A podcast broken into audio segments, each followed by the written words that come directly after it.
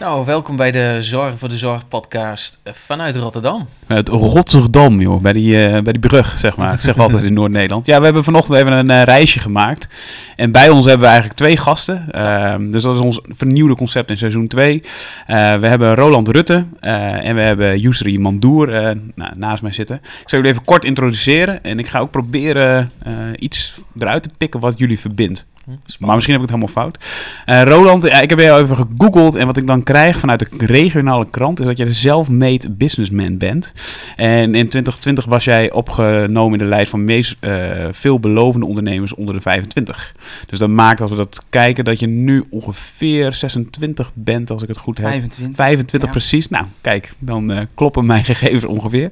Um, en wat ik leuk vond aan wat ik las, en wij hebben wel eens eerder gesproken... is dat je eigenlijk zegt van uh, je gelooft niet per se in bepaalde modellen, businessmodellen. Toen je 17 was, ben je ook uh, eigenlijk zelf gaan ondernemen uh, en ben je eigenlijk gaan uittesten van, goh, weet je, dit kan wel anders. wat ik niet wist, was dat jij daarvoor wel een, ziek bent geweest, waarna jij eigenlijk vanuit een soort schulp eigenlijk naar buiten bent getreden. Dus nou, dat is dan wel ja, bijzonder, hè, dus dat je jezelf daar ook in ontwikkeld hebt. Um, je, hebt, je komt uit Oosterhout uh, en je vader was arts. En dat was ook een van de twee mentoren voor jou als het gaat om het zakelijke leven. Nou, als ik jou een beetje volg, is dat jij echt wel in de Nederlandse politiek zeg maar, betrokken bent. Ook advies geeft aan verschillende ministeries. Uh, en je gaat de hele wereld over. Dat vond ik ook wel echt uh, tof om te lezen en te zien. en je gaf zelf net nog een voorbeeld dat je naar het buitenland moest, ver weg hier vandaan. Dus ja, dat vind ik wel heel gaaf. En dat, dat, nou, dat kijk ik ook wel een beetje met een soort verwondering van uh, dat je dat allemaal doet. Maar leuk, leuk dat je er ook bent. Um, Yusri is eigenaar van de Lobster Company. Uh, ik had ook uh, jou gegoogeld en dan kreeg ik een heel mooi tekstje van strategi strategisch adviseur, organisatie op gebied van leiderschap, strategie, management, business development. Je doseert daarnaast nog aan het Nijrode UvA en de hotelschool De Heeg. Um, en je hebt een aantal boeken geschreven, daar hadden we het net ook al over. Met de meest recente is de strategie van de kreeft. En ik denk dat de kreeft nog wel even voorbij komt vandaag. Zeker. Dat, uh, gok ik. um, wat ik dan weer interessant vond is dat jij, want jouw naam, en dat zeg je ook altijd, de eerste vraag is, hey, jouw Komt naam, waar komt die vandaan? Nou, je hebt een Egyptische vader, Juist. maar je moeder komt uit de polder. Ja. Je bent eh, niet 100% Rotterdammer, maar je komt uit de, onder de rook van Rotterdam vandaan en je woont nu al 25 jaar oh, minimaal in eh, Rotterdam. Ehm, Zo is het. ja, en jij, jij richt je eh, echt op de strategie van zorgorganisaties. nee, van alle organisaties. Ja. Met onder andere ook de zorg. Klopt. Dus ook vandaar eh nou ja, jouw expertise. En wat ik grappig vind is dat jij zegt van... Goh, je bent als strateeg en als, als nou ja, die kant op ben je ook een soort verhalenverteller. Ja. en Mm, dan kom klopt. ik bij de overeenkomst. Want Ah. jij hebt gezegd van... ehm, marketing is een soort van flirten. Is ook een soort van verhalen vertellen. Dus mijn vraag aan jullie is... Is, is jullie beroep gewoon... Zijn jullie professioneel flirters of zo? en is dat ook de overeenkomst misschien? Ja, dat laatste, dat, of het flirten is, weet ik niet. Maar dat verhalen vertellen, dat vind ik wel leuk dat je dat aanhaalt. Want eh, ehm, op een gegeven moment ga je toch, eh, en ik, ik ben hier de oudste aan tafel, ben ik bang. Ga je toch denken van, ja, maar wat is nou echt mijn, eh, mijn, mijn drijfveer, mijn passie? Hmm. En eh, ik merk gewoon dat ik het, of het nou bij colleges is, of het is in verandertrajecten bij organisaties, dat je gewoon eh, merkt dat je mensen echt aan kunt zetten door bepaalde verhalen te vertellen. Hmm. Of dat nou een metafoor is of het is een bepaalde casus. En toen dacht ik van ja, maar hey, toen ik een klein kind was, eh, zelfs op de lagere school. en eh, toen de meester vroeg van wie wil er een spreekbeurt geven, en dan was ik zo'n ijverig mannetje. Die zei, ik wil als eerste, weet je. dus blijkbaar zit daar iets in van jongs af aan wat altijd, wat, wat, wat zo dicht bij je blijft. En eh, dus ja, dus of het flirt is, weet ik niet. Maar de, dat het wel uiteindelijk hetgene is wat ik het allerleukste is, dat is zeker zo. En, en, of heb ik het verkeerd geïnterpreteerd van flirten? Nee, dat net, het, dat net, het het is net verhalen Tinderen, hè? vertellen is. Het is net Tinderen. Tinderen. En je vertelt natuurlijk iets eh, waar mensen een mening over vormen. Ja. Dus dat verhaal, het juiste verhaal vertellen, dat is natuurlijk super belangrijk.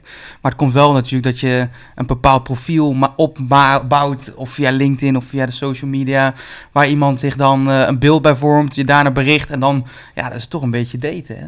Ja, leuk. Hey, en wa- waren jullie eh, misschien elkaar wel vinden, maar ook wel wat afwijken. Dat jij eigenlijk zegt, ja, ik geloof niet zo in die marketingmodellen en zo. En ja. volgens mij is het gewoon doen. Terwijl als ik naar jou kijk en dan kijk je boeken, dat zijn eigenlijk allemaal, nou ja, eh, frameworks of, of Ja. kapstokjes waaraan je een bepaalde idee. Ja. Ehm, dan misschien al het eerste, waarom geloof je niet in, in frameworks en dat soort dingen, Roland? Ja, nou ja, dat komt denk ik een beetje uit de, de rebelse 17-jarige Roland die zei ik ga ondernemen. Ja. Ja. ja, nou één, ik kende geen modellen, dus dan geloof ik ook niet. Maar het tweede is dat ik natuurlijk wel eh in de afgelopen jaar best wel wat modellen heb gezien waar ik eh, heel erg gevoel mis, heel veel een beetje het flexibele in mis. En daar, eh, zeker in de politiek, hebben we dat eigenlijk een beetje overboord moeten gooien. Eh, zeker, ik vind zeker in de politieke campagnes waar we heel veel gedraaid hebben, ja, daar heb je alles mooi vastgelegd. Je krijgt op je papier, je hebt er besprekingen over. En uiteindelijk zitten we toch weer te flyeren, want één iemand heeft op WhatsApp gegooid. Ja, laten we toch maar gaan flyeren, want die doelgroep zit daar. We hebben de data gezien. Ja, dan denk ik, ja, nou, laat dan maar. Ja. Dan maar gewoon echt voor, eh, voor het gevoel en, eh, en voor je guts. Ja. Ja. Oké. Nou, ik denk dat het verschil nog niet eens zo groot is als je denkt. eh, Nee. Annie. Want kijk, in 2004, toen, eh, eh, toen heb ik samen met eh, collega's een boek geschreven. Dat heette Marketing en Strategiemodellen. En wij dachten, wie in hemelsnaam gaat dat lezen? En vervolgens, eh, een paar jaar later, waren er 30.000 van verkocht. Hmm. En waarom? Omdat in het onderwijs men dat soort raamwerkjes heel erg prettig vindt. Ja. Hè? En eh, we hadden ook nog wat Excel-sheets erbij gedaan. En ehm, eh, in de colleges die ik wel eens geef, ehm, eh, toevallig deze week nog, wordt dat boek nog steeds wel eens gebruikt. En wel geüpdate natuurlijk, hè? maar Mm. dan zeg ik altijd, het eerste wat ik zeg, jongens, neem die modellen nou niet te serieus, hè? Weet je? Eh, eh, eh, want het ergste is als ik straks een, een, een paper van jullie krijg en ik dat zit vol met die, met, met die modellen, word ik helemaal gek. Hmm. dat vind ik echt verschrikkelijk. Gebruik het nou om inzicht en overzicht Hmm. voor jezelf te creëren, weet je? En, en vervolgens moet je op basis daarvan je eigen creativiteit gaan gebruiken om het toe te passen binnen jouw werkelijkheid. Dus voor mij is het een opstapje. Hè? En, en eh, omdat vaak mensen ja, moeite hebben, waar moet ik beginnen? En, en, en, en daar heeft het een functie in, wat mij Ja. betreft. Mooi. Nou, dus mooie overeenkomst eigenlijk. Vanuit verschillende perspectieven naar hetzelfde kijkend. Ehm, wat ik heel interessant vind is dat jullie allebei eh, gerelateerde opdrachten doen in de zorg. Of gerelateerd aan de zorg. En we zien, eh, nou recent was er nog weer een bericht van... we mogen niet meer mensen in de zorg inzetten. eh, maar we moeten wel meer zorg leveren. Nou, ben ik heel benieuwd. Waar schuurt, waarom lukt het ons zo slecht eigenlijk? Want dat is een mening van mij trouwens. Maar ik ben heel van mening dat het niet zo goed... Nou ja, het de, lukt de, ons de, niet. De, de transitie waar we Ja. naartoe moeten inderdaad, dat is een hele grote opgave. En als je daarnaar kijkt, naar de statistieken en wat we nu aan het doen zijn... dan zou je kunnen stellen dat we iets hadden eraan moeten trekken. Eh, maar toch heb je het gevoel dat er weinig beweging komt in, eh, in vooral de zorgsector. Ja, weet je, om daar een schot voor de boeg te doen. Ik denk een van de moeilijkste dingen, en of dat nou, je kunt dat zien in het, eh, in het, in het zorgsysteem, maar ik denk dat, dat, dat dit is eigenlijk iets nou, menselijks in mijn ogen, is je begint niet van een blanco vel. Hè? Je hebt een, een, een rijdende trein en, en wij zitten allemaal op die rijdende trein. En, eh, en dan zeg je opeens van, ja, maar eigenlijk moeten we van spoor gaan, gaan, gaan wisselen. Eh, ja, maar ja, weet je, we- eh, hoe dan? Weet je wel, moeten we dan een paar wagonnetjes eh, op dat andere spoor zetten? Of hoe gaan we dat precies met elkaar organiseren? Dat is een ingewikkeld iets. En dat, wat gebeurt er dan?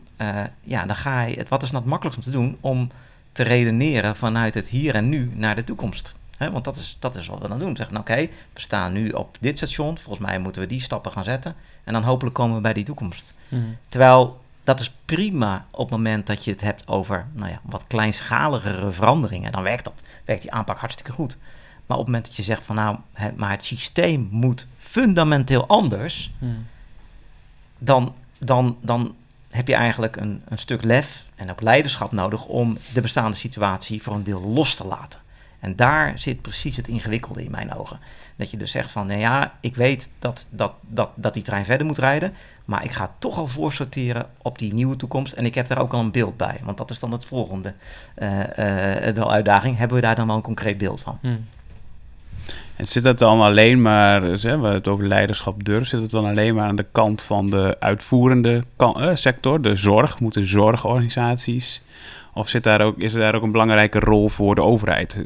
Wat, wat, hoe zou die rol moeten zijn van de overheid? Ja, in, in mijn, eh, ik, ik zeg wel eens vaak, voor mij zijn er twee grote uitdagingen bij, bij, bij grote transities. Eentje is die gedragsmatige kant. Hè? En dan zeg je van oké, maar dus als je het vanuit de zorg dan kijkt van ja, wij hebben nu een bepaald zorgproces ingericht. Mhm. Dat moeten we opeens anders gaan doen. Dat is ingewikkeld, want ik voel mij veilig en prettig binnen het bestaande traject. Mhm. Hè, dus dan moet ik opeens, dan ga je mij vragen om iets anders te doen. En als ik dan ook niet voldoende kader daarin krijg, ja, wat verwacht je dan eigenlijk van mij? Dus daar zie ik altijd een grote uitdaging. Maar het tweede is ook van, vaak is er een, een, een, een, een, ja, een overliggend kader of eh, nodig om te zeggen van, wacht even, maar we gaan die gewenste situatie gaan we een beetje stimuleren met elkaar. Hè? En, eh, en of je het nou hebt over transities, over eh, meer zorg bieden met minder mensen, of de zorg naar hoe gaan wij een duurzamere wereld met elkaar creëren. Ik denk dat de overheid daar wel een hele belangrijke aanzwengelende rol in heeft, in dat tweede stuk. Mhm. En je hebt beide nodig, die gedragskant en de juiste prikkels om het gewenste gedrag te laten vertonen. Mhm. En dat is ingewikkeld. Nou, ik, wil- ik wil er wel aan toevoegen natuurlijk dat de politiek heeft, heeft één ding. Is dat elk vier jaar komt er weer een eh, andere groep met een andere visie. Ja. Dus die, die, die rijdende trein eh, heeft ook een paar stops. Stakingen en erop en eraan om even een mooie links te maken naar hoe het soms in de economie loopt. Maar ik denk ook dat als je kijkt naar eh, alle partijen die iets zeggen over zorg, eh, dat zijn er echt veel meer dan in andere branches naar mijn gevoel. Mhm. En het tweede is dat, eh, dat je ook wel ziet in de overheidskant, hè, welke problemen hebben dan ook voorrang op de ander. En eh, daar hebben we ook weer duizenden ambtenaren voor, want we hebben het niet over alleen VWS, we hebben het eigenlijk over heel veel soorten divisies die daar weer een onderzoeksbureau voor hebben. Dus uiteindelijk heb je een enorme bal gecreëerd die je eigenlijk niet meer kan rondduwen. Mhm. En dat is wel iets waar, waar de overheid pas eh, bij een thema zoals de Belastingdienst heeft gezegd: oké, we gaan echt snijden in die bal, we maken hem kleiner, we gaan even heel serieus nadenken van is de basis nou echt goed? En dat, dat is bij de zorg op tot nu toe eigenlijk niet gelukt. Nou, zou je dan een beetje kunnen zeggen dat de fundering om dit goed te kunnen begeleiden, deze trans- transformatie, dat die niet past meer bij wat er gebeuren moet? Even, hè, we hebben iets gebouwd, we hebben een ministerie gebouwd, we hebben een soort Ja. systeem gebouwd. Mhm. Die paste bij de huidige en de afgelopen wereld. Maar om die nieuwe wereld te creëren, moet je, zul je iets nieuws moeten bouwen of zo. Is dat wat? Nou ja, je, dan- hebt, je hebt het ministerie gekregen eigenlijk om langzaam steeds meer hyperfocus te krijgen op bepaalde beleidsvormen, eh, wetgeving. Eigenlijk, hè, iemand heeft eh, dat been, ja, dat moet toch vergoed worden. Dat moet toch. Uiteindelijk heb je nu eh, heel veel boeken vol met verschillende regels. Mhm. Eh, we kunnen de zorg natuurlijk niet stoppen. Hè, dus Nee, iedereen heeft recht Mhm. op die zorg. Nou, artsen vinden ook heel veel ethische thema's super lastig om daarover te beslissen. Hm. Dus wat ik wel denk is van nou, eh, eh, wat is nou de basis van de zorg? Laten we daar eh, met een plan komen waar we net als in de, in de duurzaamheid zeggen, ja, we gaan dat in 2040. Ja, dat is lange weg. eh, doortrekken. Dus ook als jij een, een links kabinet of een rechts, ja, dat is dan jammer. Mhm. Maar dit is even onze eh, visie. Dat dan blijkt, en dat kan weer in 2040, dat het beleid ook weer ergens aan schuurt. Ja, dat is het risico wat ondernemers helaas wel eh, vaker nemen dan de overheid. Hè? Die zeggen, nee, ja, dat kabinet in 2004, die heeft het allemaal weer verkeerd gedaan. Ja, maar dat is het risico. En, eh, en dat hoort er gewoon eenmaal bij. Mhm. Dus eh, ik lees ook wel over de, de stikstofcrisis nu een aantal artikelen waarin wordt gezegd: we moeten nu rigoureuze keuzes maken die heel veel pijn. We moeten snijden, we moeten pijn doen. Want dan pas gaan we succesvol zijn. Maar als we blijven polderen, hebben we in 2030, 40 nog een groter probleem. Is dat ook wat jullie zouden voorstellen als je kijkt naar zorg? Apple maakt technologie voor iedereen toegankelijk. Voor zorgorganisaties zijn de producten van Apple zeer geschikt. eMac Pro ondersteunt medewerkers en patiënten onder meer bij de uitrol van Apple devices, beheer en trainingen. Kijk op emac.nl/slash eMac Pro. Apple voor professionals.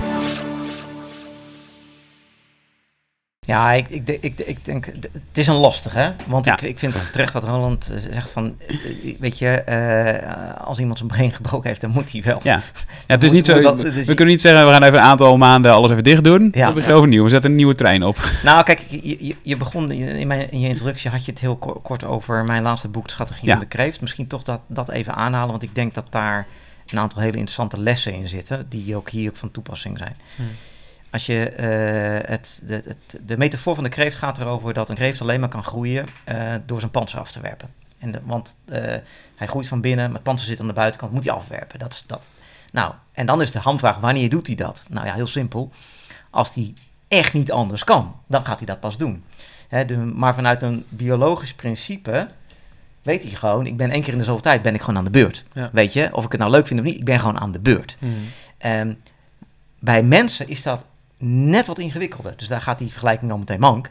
Want wij hebben altijd duizend redenen om het nu even niet te doen. Er komen verkiezingen aan. Eh, weet je, we gaan toch even proberen het bestaande systeem op, op, te, op te lappen.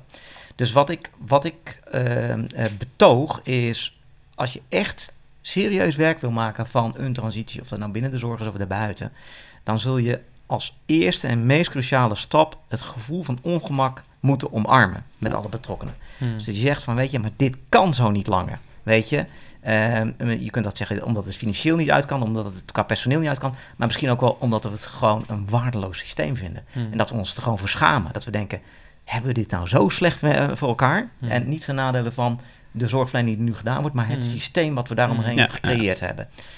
Dat is de eerste stap waar je doorheen moet gaan. De tweede stap, en die is net zo belangrijk, is dat je zegt, ja, maar hoe dan wel? Hè? En dan betekent dat je dus moet nadenken van wat is dan het wenkend perspectief, hè, die, die zorg in 2040, hoe gaan we die met elkaar organiseren? En, en zijn we het daarover eens dat dat een veel beter passende vorm van zorg is?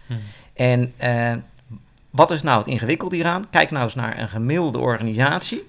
Ehm, als ik kijk hoeveel tijd wordt er nou aan deze twee onderdelen besteed, dus hoeveel tijd stop ik aan zeg maar, het omarmen van het gevoel ongemak, daar het echte gesprek over voeren, daar actie op ondernemen. En ook hoeveel tijd besteden we nou aan die, eh, die visieontwikkeling van waar, waar, waar, wat voor type organisatie binnen de zorg willen wij zijn? Hmm. En hoe gaaf is het als ik als medewerker daar onderdeel van mag zijn? Hmm. Die tijdbesteding daaraan is gewoon belachelijk beperkt en klein. En daar gaat het al mis in mijn ogen. Dus eh, ik, ik, eh, voor de organisaties waar ik voor werk is van... ga daar nou serieus werk van maken als, je, als jou die transitie daadwerkelijk menens is. Ja, nu je dit zegt, moet ik denken aan, eh ik ben zo'n Hansen heet hij volgens mij, die over de, de day after tomorrow praat. En eh, waar besteed je nou je meeste tijd aan? Dat organisaties eigenlijk, zou je idealiter eh 70% aan nu, eh 20% aan morgen en 10% aan overmorgen moeten doen. En als je dan kijkt dat eigenlijk de meeste organisaties eh, 90% aan nu en eh 10% aan de shit of yesterday, zoals hij dat mooi eh, noemt. Peter Hinsen, Doe, ja. me, ja, ja. Doe mij direct daar even aan denken van waar leg je je focus? Maar dat is natuurlijk vanuit organisatie, Ja. zorgorganisatieperspectief, dan ga je dat doen. Maar dat kun je, dat speelveld is zo complex volgens mij. Want, daar komt dan die overheid weer Juist. Hmm. van, in, want gisteren, of eh, nou ja, recent kwam dus dat stuk uit over we, we mogen niet meer mensen in de zorg om de zorg te blijven leveren.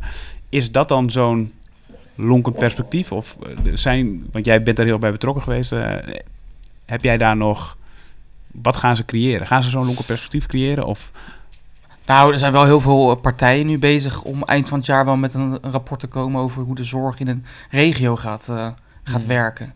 En ik, eh, en ik denk dat dat een hele goede eerste zet is. Eh, ik denk ook dat bepaalde lobbygroepen wel heel erg de focus op, de, op een, bepaalde groep artsen heeft gelegd om dat te gaan eh, dekken. Dus daar zie je wel eh, dat partijen het ook moeilijk vinden om die te negeren. Want media heeft daar gewoon best wel echt wel een flinke power in, Hmm. in gekregen. Ehm, ik denk voor het perspectief dat een, de, de manier van die pilotcultuur, waar we het ook wel, wel eens Nou vaker ja. over gehad hebben, dat dat eh, de eerste stap is om te hervormen. Als jij een ziekenhuis bent, zeg nou ja, weet je, eh, dat hele Nederlandse Zorginstituut, dat, dat trek ik nu niet. Wij willen graag innoveren. eh, wat meestal misbruikt wordt om toch even mooie nieuwe apparaten aan te schaffen. Van nee, we gaan aan de businesskant zitten en we bouwen virtueel 100 meter een nieuw ziekenhuis op. Hoe zul je dan eruit zien? En dan moet je het eigenlijk open source delen met. De andere ziekenhuizen. Ik geloof niet in dat je nu weer zo'n commissie gaat vormen, weet je, waar je nu lekker met vijf ziekenhuizen en dan een hapje eten en een beetje een balletje golven, dat het gaat regelen. Er moet gewoon één ziekenhuis zijn die zegt, ja, vrijwaar mij van Hmm. en eh, geef mij de tijd om en dan eh, kom ik eh, terug in een open source bij iedereen om nog zes van die, van die trial tijden te starten. Dat denk, daar geloof ik zelf in, hè. Ja. ja, Maar anders, ja, anders zie ik het gewoon niet gebeuren. Ik kom heel vaak in, de, in een ziekenhuis en die zeggen, ja, we gaan innovatie doen. Zo, ah, super. Ja, we hebben al miljoenen. Ik zeg, oh, nou, dan heb je toch al iets op papier staan. Ja. Nee, maar ik ga nu even kijken wat we dan moeten doen met dat geld. Hmm. Denk ik, oh, huh? Hier dat- gaat iets mis. Ja. ja dus we, we, we, we kennen eh, eh, innovatie zoekt probleem, maar we hebben dus nu ook geld zoekt innovatie eh, problematiek eigenlijk. Ja, Dus dus, dat je eigenlijk gewoon iedereen op wil zoek geld, hè? Iedereen ziekenhuis zegt, ja, dat Ja, ga ik wel oplossen. Nou, dan Ja. nemen ze één keer iemand aan. Nou, die zegt, ja, leuk. En eh, nou, dan ga ik een beetje rondkijken. En, oh, ja, die deur. En, eh, oh ja, bij de verpleegkundige even langs. En, maar dat is, dat is toch niet de manier hoe wij de zorg gaan hervormen... Hmm. met, eh, met toch wel, nou, vreselijk veel belastinggeld. Ja, want het geldprikkel, en ik weet niet hoe jullie, hoe jullie dat zien, maar wat ik ik sprak laatst met iemand van het zorgkantoor en die zei ook, ja, we hebben nu een x aantal miljoen in die projecten gepompt. We zien eigenlijk niet echt het resultaat. En, en, sterker nog, er zijn zo organisaties die niet eens, hè, dan kunnen ze innoveren, dan kunnen ze, moeten ze alleen een plan schrijven van wat ga ik met het geld doen. En dan, maar dat gebeurt gewoon niet. Dus het geld blijft gewoon staan en liggen. En de vraag aan mij was eigenlijk van, ja, wat zouden we dan moeten doen? En toen dacht ik, goh, misschien moet je, eh, want ik voel dat bestuurders en, en organisaties vaak pijn of angst hebben om eh, te falen. Hè? Want je hebt, we, hebben, we hebben de, de reguliere zorg nog. Dus je hebt nog een cliënt die wel zorg moet. Dus je kunt niet falen. Je kunt niet zeggen, nou, oh, het is fout gegaan en u bent overleden. Ehm, maar om die angst weg te nemen, is dat je niet dat je een klein beetje geld krijgt om die innovatie in te zetten. Maar dat de rest van het geld bijvoorbeeld als een soort reserve is op het moment dat je gefaald hebt. Dus dat je een soort valpremie krijgt. Zal dat, zal dat een oplossing zijn? Ik vind het prikkelende gedachte. Ik denk dat het goed is. Er is trouwens ook een interessant boek over geschreven. eh, eh, het Instituut van Briljante Mislukkingen. Ja, Eh, klopt. dus ik, ik, ik, vind die gedachte altijd inspirerend. Mhm. Eh, hè, de, de, de beste persoon om een project 2 op te pakken is degene die genadeloos onderuit is gegaan bij project 1. Hè? Ja. Ehm, maar eh, ik denk dat er meer nodig is dan dat. En eh, ik, wil even aanhaken op wat, wat Roland net zei over... nou, nu hebben we dat geld en nu gaan wij dat innovatieproject opzetten. Waar ik altijd heel erg voor pleit binnen organisatie dat je zegt van ja, zeker bij als we het hebben over grootschalige transformatie, dus niet incrementele verbeteringen, dan, is, dan heb je ook een structuur daarvoor nodig die dat faciliteert. Eh, en eh, dat betekent dat je de juiste mensen daarvoor nodig hebt. Die moeten vaak een andere skillset hebben dan degene die in het reguliere eh, zorgproces zitten. Maar daarnaast ook hebben zij een mandaat nodig vanuit de top van de organisatie, waarvan ze zeggen, wacht even, dit is jouw speelveld. Hier gaan wij jou straks op afrekenen. En dit mag je van ons verwachten, over en weer. En dat, dat kader ontbreekt 9 van de 10 keer. En dan wordt er dus één iemand of een klein teampje ingericht en die, die gaat dat doen. Vervolgens gaat de hele organisatie daar naar kijken. Van ja, jullie zijn toch van innovatie? Jullie gaan dat toch doen? Ja, nou dan, dan voel je al aan, omdat dan, omdat dan die structuur ontbreekt, dan, dan is de kans van slagen bijzonder klein. Dus falen, leren van falen een hele goede, maar zorg ook dat je de structuur creëert en, en, en daar hoort een mandaat bij, Ja. eh, om uiteindelijk ook die, die, die, die vernieuwingstrajecten succesvol te kunnen uitvoeren. Ja, dat is ook wel een beetje zorg eigen. Hè? Dus precies wat je zegt, de innovatieafdeling. Ja. Dus we in de zorg, tenminste, ja, ik heb ook in een andere sector gewerkt, maar je merkt zo die zuilen binnen de organisatie zelf, maar ook binnen het systeem zelf, met de geldstromen. Nou, daar weet je alles van. Dit potje, dat potje, die regio gelden, die gelden. Het is ook gewoon zo'n wirwar aan zuilen en af. Dus dan wordt het ook elke keer naar bepaalde afdelingen en zuilen nou ja, weggeduwd, om zo maar te zeggen. Ja. En wij hebben dat persoonlijk meegemaakt eh, binnen de organisatie waar we werkten, dat inderdaad de innovatie vanuit de innovatieafdeling moest komen. Terwijl dat wij uiteindelijk de visie hadden, zei van ja, maar volgens mij inderdaad als organisatie zelf, ieder, wij innoveren met z'n allen. Juist. Eh, alleen dat is nog wel ja, een, Ja. gedachtegang. Ja, het is heel lastig om dat zeg maar in tussen de oren te krijgen bij de hele goede gemeenschap. Want je moet multidisciplinair innoveren, hè, Ja. kun je het noemen. Ja. zag toevallig ergens iemand die had dat zo opgeschreven. Maar het is eigenlijk gewoon design research. Je gaat met z'n allen om tafel zetten. Je gaat die verschillende perspectieven bij elkaar brengen. En dan ga je samen kijken naar waar zitten nou de knelpunten, hiaten en problemen. En dan samen ook een oplossing bedenken. En wat je nu vaak ziet is dat de projectgroep bedenkt een oplossing. Zodat de, het management dan er wat van kan vinden. Ja. Want ja, dat is ook wel lekker, want dat is je rol. Manager is toch ergens wat van vinden, eh, denk ik dan. Paste mij zelf ook heel goed trouwens in het verleden. Nee, maar ik denk dat, dat dus we moeten anders kijken naar hoe we innoveren in de zorg. Dus het is met elkaar mandaat creëren en een stukje overheidssteun dan vanuit misschien ook randvoorwaarden op gebied Ja. van financiën of zo. Ja. Ja. ik zie het heel vaak als een rommel zonder. Hè? Als je dus een geld nodig hebt, dan eh, moet je ook op je zolder gaan zoeken welke je dan ook weer nodig had. Ja. Van de dozen en waar zat hij nou ook weer in? Ja. Hè, dat, dat is een beetje het, het gekke. We hebben alles qua geld wel toegevoegd, omdat het ene het gewoon niet meer toeliet. Die, die lieten gewoon die vorm van financiering niet toe. Dus wij maken een heel nieuw ding en dat zetten we dan naast. Hmm. Nou, nu hebben we het, het 14 zolders en eigenlijk ook nog een paar containers vol met mogelijkheden. Nou, Als je dan nog moet gaan zoeken. Dus je bent, je bent verpleegkundige. Nou, je komt bij de Vriendenstichting. Je Hm. komt bij die. Ja. Nou, voor je het weet heb je inderdaad geld gekregen. Krijg je een jaar later hoor je, joh, je had dat nooit mogen doen. Uit dat potje. Want je had bij de afdeling eh, die moeten zijn. Want die hebben net dit stukje financiering opgevraagd. Nou, dat is gewoon de standaard waar inderdaad die structuur erg mis. Eigenlijk hoop je gewoon dat je een keer die zolder opruimt. Zegt, nou, we stoppen alles in drie dozen. Mhm. Past er niet bij, jammer dan. Dan moet het dus nog in die doos worden gepropt. Dan heb je uiteindelijk gewoon drie keuzes waar je zeker weet, met misschien dealmakers, hè, die zeggen, nou, wij gaan jullie gewoon helpen aan de juiste vorm, die eh, niet heel veel geld opzuigen als subsidieadviseur of dergelijks. En dan kom je dus echt bij het stukje faciliteren vanuit de overheid met zo'n dealmaker. Even voor mij, hè, en misschien ook voor de kijkers, luisteraars. Je bedoel je dan dus dat je die versplintering van al die subsidies en overheidsgelden, dat je die eigenlijk ga- gaat structureren, dus eigenlijk kanaliseren, verduidelijken, versimpelen. En dat je dan zegt, er komt dan een soort ja, dealmaker tussen. En wat is dan een dealmaker? Is dan iemand die jou begeleidt bij die business case? En die moet je eigenlijk gewoon bellen. Dat is eigenlijk de Ja? enige contactpersoon eh, tussen eh, jou en de subsidie. En niet meer dat je eigenlijk heel veel loketten, ambtenaren, hele Hmm. zooi bij elkaar moet sprokkelen om dat ene bedrag bij elkaar te halen. Het moet gewoon via die dealmaker lopen. Waardoor je in ieder geval zeker weet dat het bij het juiste potje is gebruikt. Want ja, dat, daar gaan we niet van loskomen, vrees ik. Maar wel dat het eh, ook overzicht blijft voor een organisatiestructuur waar Hmm. iedereen een idee kan inleveren. En dat je dus niet bij de raad van commissaris weer terechtkomt die een ene vriend heeft gebeld om als interim weer te gaan eh, werken aan innovatie. En dat is wel een, een kleine sneer naar hoe het nu loopt. Hmm. Ja. Nou, en ook voor die eindgebruiker inderdaad. Want uiteindelijk, qua wat je precies wat je zegt, is dat je binnen die organisatie keuze maakt waar, waar willen we op innoveren. Wat, wat zien wij vanuit de eindgebruiker, denk ik. Wat zien zorgmedewerkers voor inzet? En nu is het inderdaad, oh, we moeten even wachten op die subsidie. En wij bespreken ook wel zorgmedewerkers zeggen, nou, we willen graag dit inzetten, maar dan is er geen geld. Omdat dat inderdaad bij een potje en daar vandaan. En dan is voor die medewerkers, dus, ja, laat maar. Ik ga wel verder gewoon met mijn werk. En dan zeggen maar die medewerker wil niet innoveren. Ja. Ja. Wat ik, wat ik wel en nog, nog een punt vind wat we nog niet zo belicht hebben is... ehm, kijk, subsidie, alleen al het woord hè. kijk, in mijn ogen, in die eh pak bij 20, 25 jaar dat ik, dat ik organisaties begeleid bij, eh, bij, bij vernieuwing en echte verandering... is eigenaarschap voor die, voor die, voor die verandering, die, dat is de meest, nou ja, cruciale factor in het hele eh eh, veranderingstraject. Zowel bij de medewerkers die er betrokken bij zijn, maar ook de, de, de, de, de leidinggevenden in de organisaties. En het feit alleen al dat jij een subsidie krijgt, maakt het al moeilijker om dat eigenaarschap te krijgen binnen een organisatie.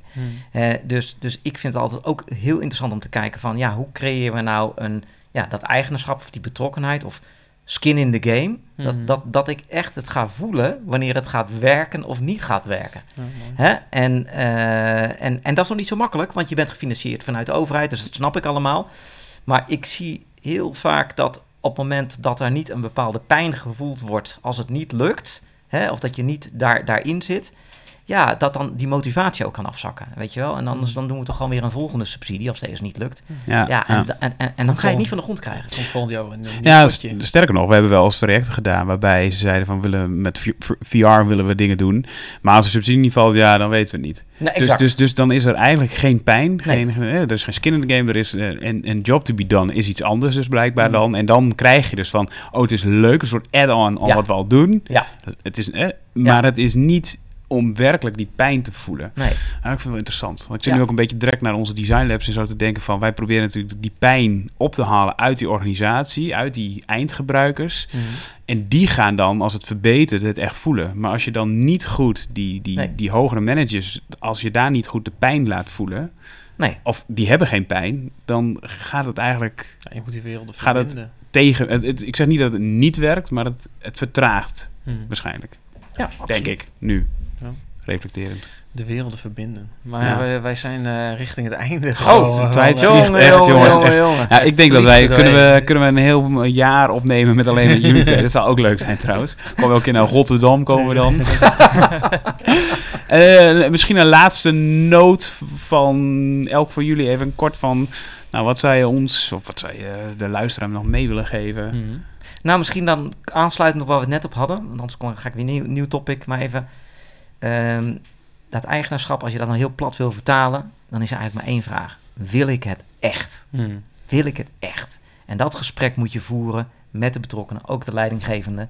En dat betekent, eh, wil ik het ook nog steeds doen als die subsidie er niet is? Ja. En, en als dan het eerlijke antwoord is nee, lekker het doosje dicht doen en gewoon niet gaan doen, want dan gaat, ga je iedereen frustreren. Hmm. Ja. Dat is het eerlijke verhaal. Ja, ik sluit me daarbij aan en sowieso, hè, blijf het aankaarten waar je ook bent.